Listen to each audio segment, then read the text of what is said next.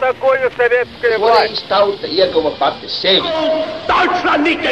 Liktenīgas nejaušības un slēptas likumsakarības, subjektīvas patiesības un objektīvi aizspriedumi. Pēc atkušņa nekad nenāk uzreiz pavasars, bet sākās Arī šodien cilvēki ir ļoti tūredzīgi. Viņi redz to naudu, kas ir. Televīzijā jau pamatā notiek cīņa par varu. Pagātne no šodienas skatu punkta un šodienas caur pagātnes prizmu. Raidījumā šīs dienas acīm. Latvijas radio eterā Eduards Liniņš. Labdien, cienījamie klausītāji! Rudolfa Blaumaņa vārds latviešu kultūrā un latviešu vēsturē vispār ir viens no zināmākajiem, atpazītākajiem joprojām. Manas sarunbiedras šodien studijā Blaumaņa dzīves un daļradas pētnieces, literatūras zinātnieces Ieva Kalniņa un Līvija Volkova. Labdien! Labdien! Droši vien, ka sākot sarunu par Blaumani, mums vajadzētu paskatīties, kādā brīdī tad Blaumanis ienāk latviešu literatūrā un eh, kas tur ir pirms viņa. Tas pirmais, protams, ir tas, ka Blaumans pirmais savā tekstā uzsver, ka svarīgi ir nevis ko rakstīt, bet kā rakstīt. Un tā ir milzīga literatūrā atšķirība. Jo iepriekšējā latviešu literatūra vairāk atbildēja uz jautājumu, ko rakstīt. Teiksim, ja mēs skatāmies no neredzīgā Indriča laikiem, tad, lai vispār teksti būtu latviešu valodā, un tad, lai būtu jau teksti ar etniskām idejām vai tautiskām idejām. Protams, ir mērnieku laiki. Pirmais romāns ir Lāčplējas epos, ir Pumpura ausekļa dzēja. Šajā laikā ir arī jau Veidenbauma laiks. Tai pašā laikā latviešu literatūrā ir tikai komēdija, nav drāma. Un Blaumans ir drāmas izveidotājs, ir stāsts, bet nav novele. Blaumans ir noveles izveidotājs. Un, manuprāt, latviešu literatūrā visa iepriekšējā literatūra bija vairāk didaktiska. Bet tomēr no nāves ēnām, manuprāt, ir tāds darbs, kāds latviešu literatūrā līdz tam nav bijis. Jo šeit ir gan šī eksistenciālā situācija cilvēka nāves priekšā, gan tā ir situācija, kurā vairs nav nekāda nozīme, ne cik tu esi vecs, nekāda ir tava iepriekšējā sociālā pagātne, ne tava bagātība. Dievs ir arī kaut kur tālē. Katrs cilvēks, kāds nu viņš ir, tāds viņš ir. Un arī beigās tas ir pirmais faktiski latviešu literatūras darbs, kur uz ledus gabala paliek tie, kurus mēs negribam atstāt uz ledus gabala. Un tā ir milzīga atšķirība starp to literatūru, kura tomēr vienmēr noveda, un arī pašu Blaumaņa pirmie darbi noveda pie tāda ētiska, loģiski izskaidrojuma gala. Kāpēc paliek grintāls uz ledus, kāpēc paliek kārlēns, tas ir pilnīgi cits literatūras jautājums. Tā vairs nav literatūra, kur labais vienmēr tiek atalgots un ļaunais galu galā saņem pelnīto sodu. Kas ir tie avoti, no kuriem Blaumanis smeļas? Te vēl var pieminēt konkrēti divus rakstniekus latviešu literatūrā, tas ir Jūras Neikens un Apsīša Jēkabs. Laumanis man nav gadījies redzēt, ka viņš tieši izteiktos par Neikenu, kaut gan tas, ka viņš ļoti labi zināja Neikenu darbus, tas ir neapšaubām, jo ir dažs tādas reminiscences viņa darbos. Neikens ir tomēr, manuprāt, vērā ņemams kā pirmais, ja mēs runājam par īso stāstu. Nu, un par apsīšu jēkabu Blaumans ir novērtējis tiešām viņa talantu, bet tieši tas, par ko te jau Kalniņa tikko minēja, par to didaktisko, ka arī Blaumans piemin, ka viņš pārāk daudz tā krata to pirkstu. Bet pats galvenais, protams, no kurienes nāk šis Blaumaņa devums latviešu literatūrai absolūti jaunais un absolūti fundamentālais, nu tā ir tomēr Eiropas literatūra, kuru Blaumanim bija tā laime iepazīt jau samērā jaunos gados, kad viņš atgriezās no Rīgas, kur viņš bija beidzis šo tirdzniecības skolu, un kādu gadu dzīvoja ērgļos. Un ērgļos bija tāds ļoti interesants mācītājs, Arnolds Zunte, kurš pēc izcelšanās ir latvietis, bet viņš bija pārgājis vāciešos. Ar ārkārtīgi plašām kultūras interesēm, un pieredzi arī, jo viņš paspējas tajā laikā apceļot Vāciju, tur Austriju, nu vispār centrālo un dienvidu Eiropu, pats viņš arī gleznoja, un viņš bija savācis ērgļos milzīgu plašu biblioteku.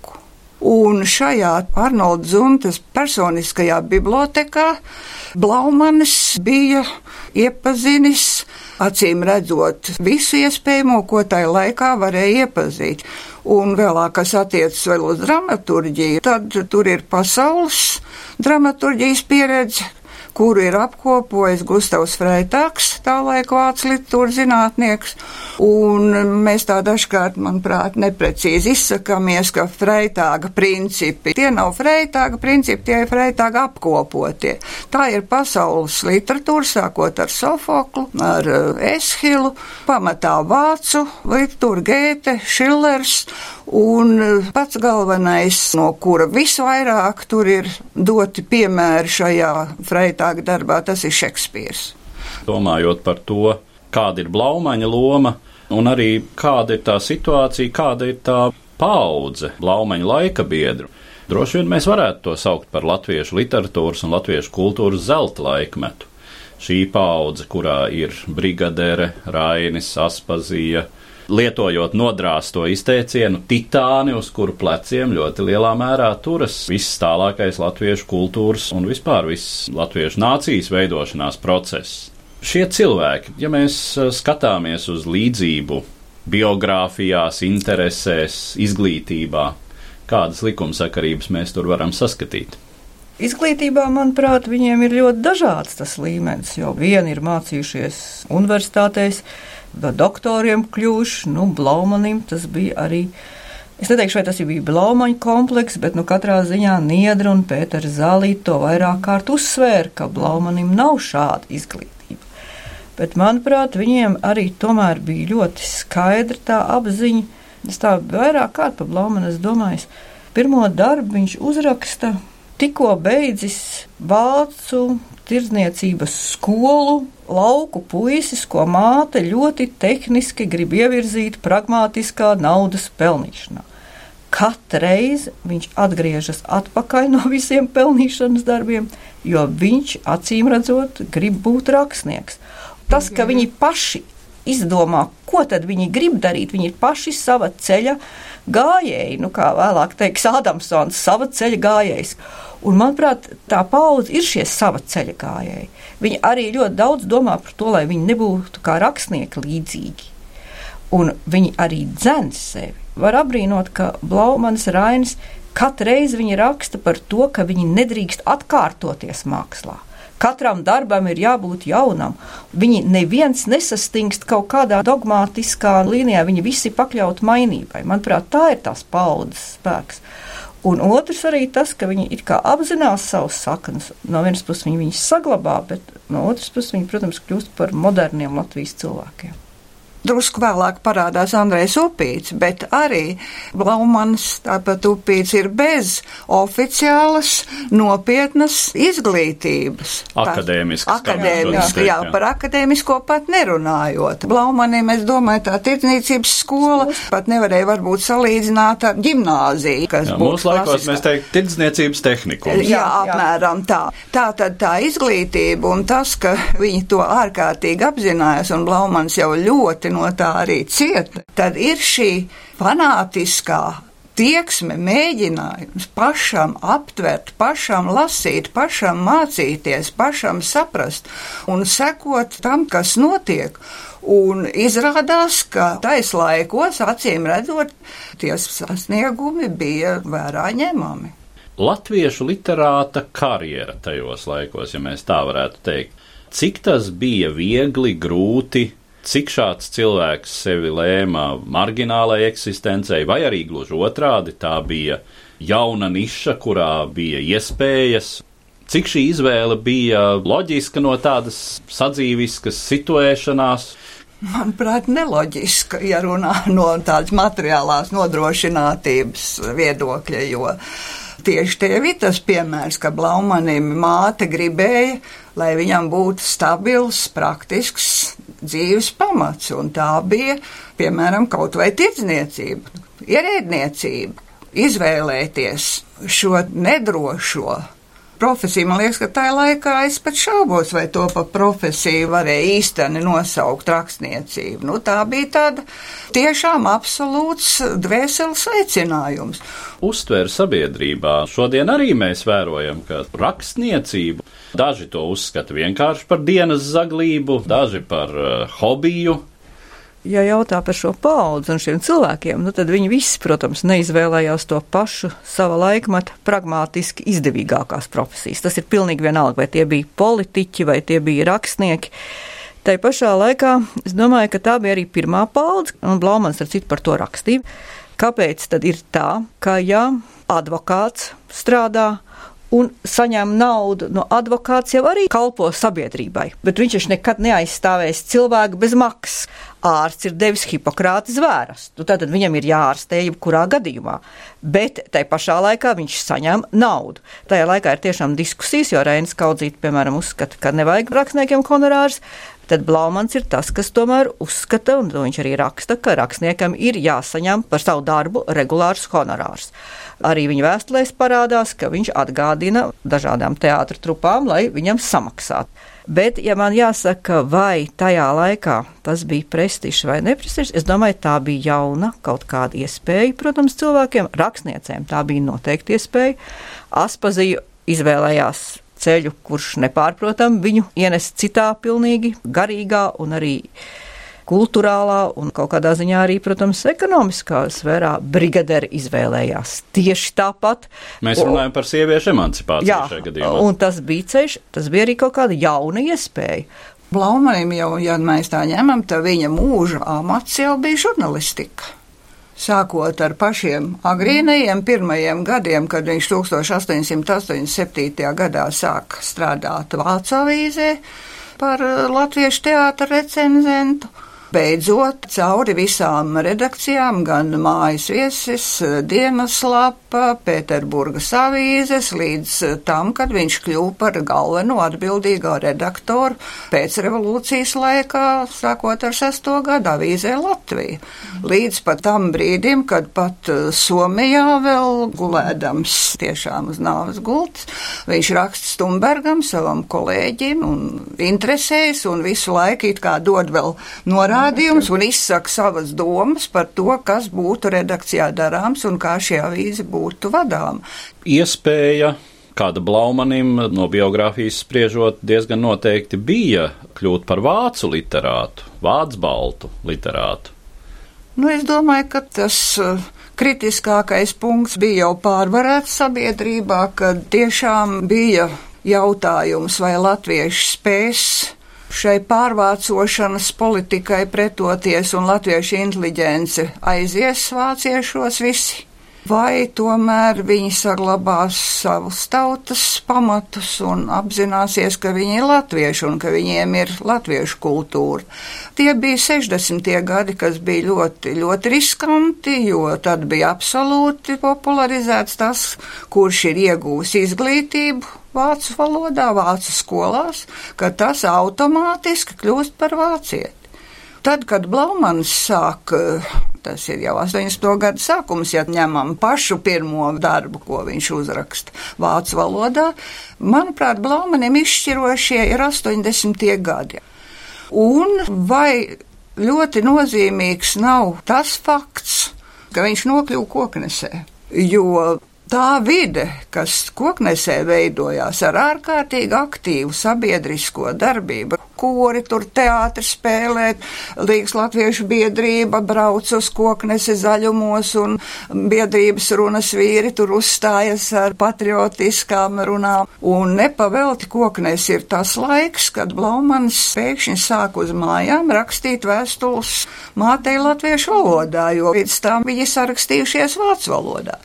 Tur viņš arī tā īsti izjūt uz savas ādas, kā šis mūžas skrieverītis Nepavelt Aldera tēlā tas ir ārkārtīgi dziļi sāpīgi, var just ir ieprogrammēt. Viņš izjūt uz savas ādas šo latvieša beztiesiskumu, šo mužnieka varu par cilvēku. Un te, man liekas, savies kopā koknes laikā apkārtējā, vispārējā situācija tieši ar šiem viņa personiskiem pārdzīvojumiem. Mārtiņa Zīvērta izteikums. Viņam ir tāds neliels teksts, šķiet, tas ir referāts, ko viņš ir 30. gadu otrajā pusē lasījis Nacionālā teātra aktieriem kā teātra dramaturgs ar nosaukumu Blaumanis vislatviskākais rakstnieks. Kas tad ir šis blaumaņa latviskums? Ko mēs par to varētu teikt? Tas, kas ir latvisks, viņš par to pats domā. Un tas, manuprāt, ir interesanti. Jo viņš piemin, ka alunāns nav latvisks. Un kas tad ir latviešu salonānam? Tās ir dziesmas un rotaļas. Un no tā es tomēr arī spriežu, ka viņu interesē gal galā, kas ir latviešu. Un te ir gan tas viens, kas ir redzams, kur viņš darbojas Rīgas Latviešu biedrības teātris komisijā.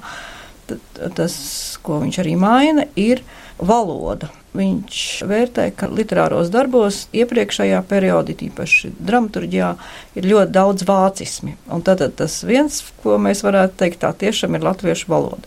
Un otrs, manuprāt, tas ir tas svarīgākais un nopietnākais, kas gal galā dramaturgijā ir raksturs.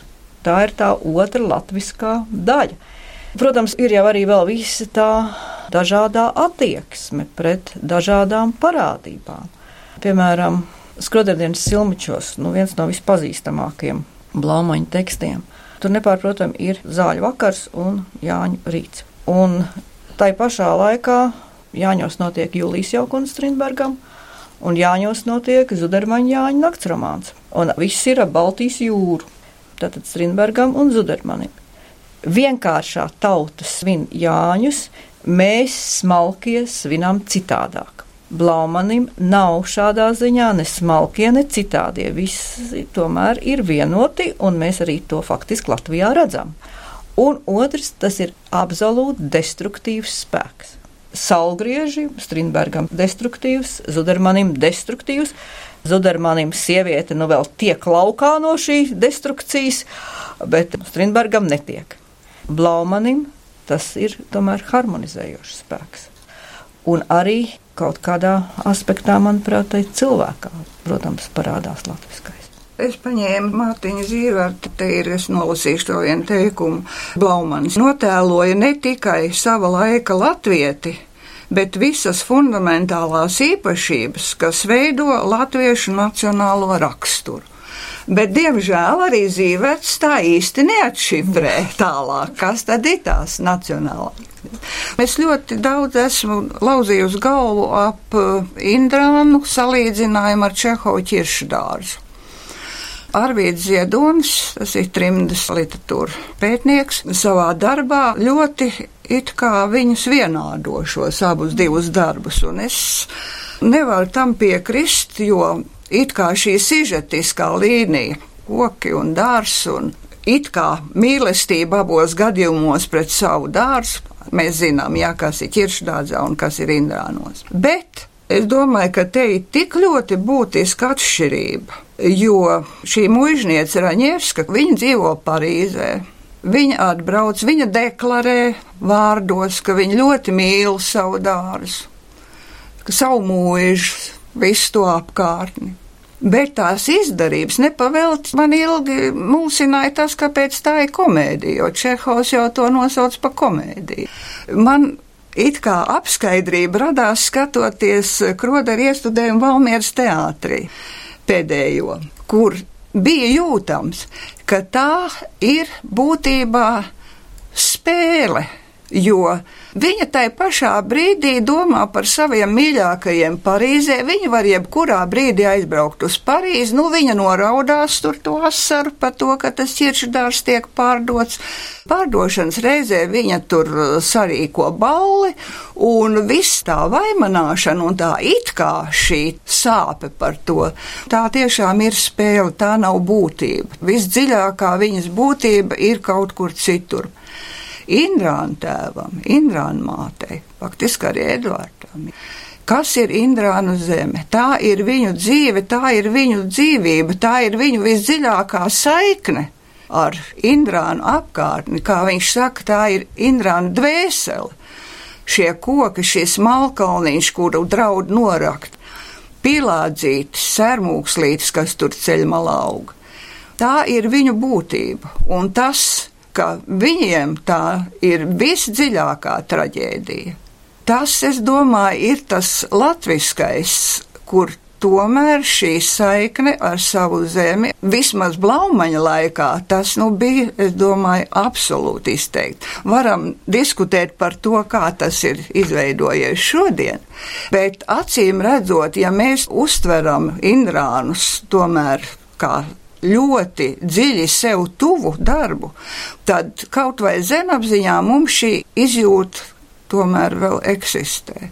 Jā, tā ka drīzāk nevis Čehova ķiršu dārzs, bet Šekspīra karalis līrs. Jā, nu, viņš ir ļoti precīzi dramaturģijā. To ļoti labi redz, kad iestudē darbus. Viņš māca parādīt tādu ļoti latvisku distanci starp cilvēkiem. Mums nepatīk pārāk tuvu vienam otram būt. Un viņš ļoti precīzi attēlo to, ka tie cilvēki savā starpā viņiem ir tuvas attiecības. Tie ir māte ar tēvu, līdzīgi arī pazudušā dēlā. Bet tomēr uz skatuves arī tie cilvēki nebūs cieši blakām. Protams, viņš ievied introverto cilvēku, tas ir nepārprotami. Introverts jau ir vispār ziemeļnieka raksturs, tas jau nav tieši latvisks. Bet tie cilvēki nekad neizklāsta visas savas idejas, ko viņi dara. Viņi nekrata, nezinu, kā sirdis. Viņiem ir sāpīgi, bet viņi māca savaldīties. Un es domāju, arī skrodēdienas silmečos skatoties, cik cilvēki nav ar līdzīgām tomēr domām par Elīnu vai Antoniju. Aleks, nu viņi taču ir nelaimīgi tajā brīdī, tajā Jāņa vakarā, bet viņi spēj savaldīties. Man studenti ir teikuši, ka mūsdienās vairs tas nav, ka tagad visi viens otram klāsta. Runājot par latviešu vienu anekdoti no Jā. manas personiskās Jā. pieredzes, respektīvi mana tēva pieredzes Jā. savā laikā, manam tēvam nācās iestudēt Blaumaņa skroderdienas Bulgārijā. Jā, Vracas pilsētas teātrī, tas ir provinces teātris, nepārāk tālu no galvaspilsētas, un uh, Bulgāri nav varējuši saprast, ko tie vīrieši muļājas, ko viņi gaida, veči vai nav veči, nu kas viņiem fizioloģiski kaut kas nav kārtībā. Lūk, to dienvidnieka temperaments nespēja pieņemt, ka ir šī gaidīšana, šī reflektēšana par to, Jā. kā darīt, ko darīt, un tā viņiem šķiet slimīga neizlēmība. Nu, jā, nu, Jānim Asaram arī bija dienvidniecisks temperaments, jo kādiem vārdiem viņš tur nosauca Aleksi par kaut kādu pēdējo idiotu. un Blaumanis uz to atbildot, nu, ne tieši Asaram, bet vēstulē, ja nemaldos Zeipertam laikam viņš rakstīja, bet Aleks tas esmu jau es pats. Droši vien, ka arī tādi spekulatīvi spriedumi par to, ka tas nu ir ļoti latviski. Jā, nu arī. Es domāju, tas ir riskanti. Faktiski tas latviskums droši vien no tādiem ļoti daudziem kaut kādiem aspektiem un sīkumiem izveidojas. Jā, nu katrā ziņā Blaumans ir tas spogulis, kurā mēs varam skatīties un vismaz domāt par to, Jā. kāds tad ir nācijas raksturs vai katrā ziņā kāds viņš ir bijis toreiz. Blaumans un uh, politika tāds atkal vispārējais populārs priekšstats, ka Blaumans zināmā mērā, nu, ja mēs salīdzinām viņu kaut vai ar Raini, ar Aspaziju, ir zināmā mērā no politikas distancēts. Katrā ziņā, kad sākas lielie sociālie, politiskie satricinājumi līdz ar gadsimtu mīju, 20. gadsimta sākumu, 5. gads un tā tālāk. Nu, nu, viņš jau pats deklarē, ka no politikas viņš stāv tālu. Viņš saka, kas tad nu es par politiķi. Bet tādā paradoxālā veidā izrādās, ka šīs deklarācijas dzīve galīgi sagrauj. Jo es nezinu, cik var uzskatīt par politiku, piemēram, cīņu par latviešu valodu, sākot jau ar viņa darbību Rīgas Latviešu biedrības teātra komisijā, kas ir jau 90. gadu pats sākums. Bet tas varbūt vēl tā ļoti tomēr sasaistās ar mākslinieckajiem jautājumiem. Bet tad, kad viņi ierauj pilnīgi politikas virpulī, tas jau ir sākot ar 1905. gadu. Pirmkārt, jau viņa mīļie auģu dēli, sākot ar Kārli Skalbi, Jānis Akurāters, Antons Austriņš. Tie taču visi ir aktīvi, ļoti dedzīgi revolūcijas darboņi. Blaumanim ļoti krasi izmainās attieksme pret revolucionāro darbību un visiem šiem cilvēkiem tieši sākot ar soda ekspedīciju ierašanos Latvijā. Ja līdz tam brīdim viņš arī par saviem mīļajiem auģu dēliem ironizē un katrā ziņā viņu marksistiskām idejām nepiekrīt un skatās no malas ar tādu tēvišķīgu, drusku nosodošu smaidu, tad viņu gan faktiski arī Valmierā pēc Grestas atmiņām, kad viņš nokļūst, tas ir jau piektā gada rudenī jau, tad, kad cars ir izdevis manifestu par tām brīvībām zināmā mērā, kas būtu izkarots par vārdu brīvību, tad Blaumans arī uzstājas Valmierā kādā sanāksmē plašā. Šoreiz viņš runā un arī pirms tam par Latvijas skolu stāvokli, respektīvi par pārkrievošanu jo rusifikācija jau bija pilnīgos ziedos uzplaukusi līdz piektam gadam. Nu, un es domāju, ka viskrāsākais pavērsiens ir tad, kad uh, sākas soda ekspedīcijas, jo Blaumans vispār principā arī pirms tam attiecībā uz šiem revolūcijas notikumiem ir uh, distantēts tāpēc, ka viņš pēc būtības nepieņem vardarbību nekāda veida. Tad tas, kas sāk notikt ar soda ekspedīcijām, tad viņš absolūti nostājas revolucionāru pusē, respektīvi, nu jau viņi vairs nav revolucionāri, tagad viņi jau ir upuri, viņi tiek vajāti, viņi tiek šauti, viņi tiek kārti, un tad šī dzēja, kas rodas 1906.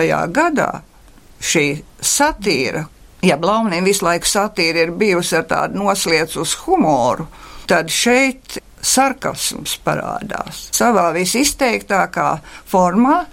Un šai brīdī Blaumans ir tāds politiķis, kā nu reti kurš, jo viņš reaģēja gandrīz uz katru aktuālu notikumu, kas šai brīdī Rīgā, Latvijā ir. Viņa daļradē mēs nevaram runāt par politiku tiešā veidā, bet uh, mēs varam dažādi traktēt šos darbus. Ugunī, protams, var skatīt kā tipisku mīlestības lugu. Bet, ja paskatās trīs personas, tātad Edgars, Akmentiņu un um, Alderu, tad tie ir cilvēki, kas var kļūt par revolucionāriem. Pazudušā dēlā jau vēl nav šāda cilvēka. Tie ir pirmkārt cilvēki, kuri uh, jūt savu pašcieņu. Viņi kaut kur iekšēji ir brīvi cilvēki, un tur ir pat tie trīs tipi redzami. Alders, protams, tas ir biogrāfisks tēls, bet par ko viņš runā? Viņš grib kalpot cilvēcei. Viņš ir salasījies drusku, un viņš būs tas, kurš nesīs šīs abstraktās idejas. Ir akmentiņš, ja viņam nebūtu māja, nu viņam nebūtu tā pašcieņa. Un ir Edgars, kuram nav varētu teikt, ne ideju, viņš nav salasījies. Viņam nav arī mājas, bet viņš pasaka, ka viņš pirmām kārtām ir cilvēks un viņiem ir šī pašcieņa. Tie ir cita tipa cilvēki. Runājot par revolūcijas prognozēšanu, nu, manuprāt, Andriksons ir Tiešā, vienkārši jā, jā. spilgts simbols. Jā. Tas uh, dialogs, kas ir šajos dārza svētkos, jā. 4. cēlienā, Alderām ar Levenšternu, ar Baronu, tā ir politiska līmeņa diskusija jau par šīm vēsturiskajām attiecībām starp latviešu zemnieku un starp šo mužniecību un kādu pozīciju akmentiņš ieņem tieši ar jā, šo patsapziņu, kad barons grib it kā dzirdēt to, ka tagad latvieši tomēr ir, nu, izglītoti un ieņēmuši jau savu zināmu sabiedrisku stāvokli. Barons grib dzirdēt, kam pateicība par to pienāks. Viņš grib dzirdēt, ka par to pienāks pateicība viņiem, baroniem, bet akmentiņš pasaka mūsu tēviem kuri to spēku sakrāja, un mēs to spēku tālāk esam pacēluši. Tas spēks mūs ir izcēlis virspusē. Man liekas, Blaumans prognozē, kas notiks. Indrānos kaut vai tas, ka tā luga notiek visas darbdienās. un tas darbs dzen darbu. 19. gadsimtā cilvēkiem bija cits dzīves ritms. Es nedomāju, ka 20. gadsimta sākumā jau jūtu tik ļoti to ritmu, bet Edvards triecas tik uz priekšu, viņam vajag uz priekšu vairāk, vairāk, vairāk, vairāk. Tā attieksme pret dabu, kas parādās Indrānos. Ir Edvards, kurš pārveido visu. Labi, tas ir pakalniņš, bet vēlāk tie būs arī daudz lielāki pārveidojumi. Tas bezjēdzīgais, kas ir uh, noliņam, ka viņš mežā vēl sāk dedzināt. Nu, bet tā ir cita attieksme. Krievu literatūrā jau šajā laikā jau diezgan daudz jau runā par dabas aizsardzību un tieši tehnikas un dabas jautājumiem. Latviešu literatūrā par to nerunā, bet caur tiem atsevišķiem tēliem Blaumans ieskicē būtībā 20. un 21. gadsimta problēmu. Noslēdzot mūsu sarunu par Rudolfu Blaumani, kuram nu pat apritēja 150. gadsimta, man tiešām arī šķistu svarīgi uzsvērt to, ar ko zināmā mērā mēs sākām mūsu sarunu. Blaumanis un viņa laika biedri kā tie, kuri koncentrē ilgi krātu latviešu tautas enerģiju, un te ir tas spilgtais citāts par mūsu tēviem. Tas ir enerģijas koncentrēšanas moments un kaut kāda izrāviena, kaut kādas jaunas kvalitātes sasniegšanas moments, no kura mēs lielā mērā es teiktu, dzīvojam joprojām. Un par šo sarunu es saku paldies manām sarunbiedrēm, literatūras zinātniecēm Līvijai Volkovai un Ievai Kalniņai. Paldies! Par pagātni sarunājas Eduards Liniņš.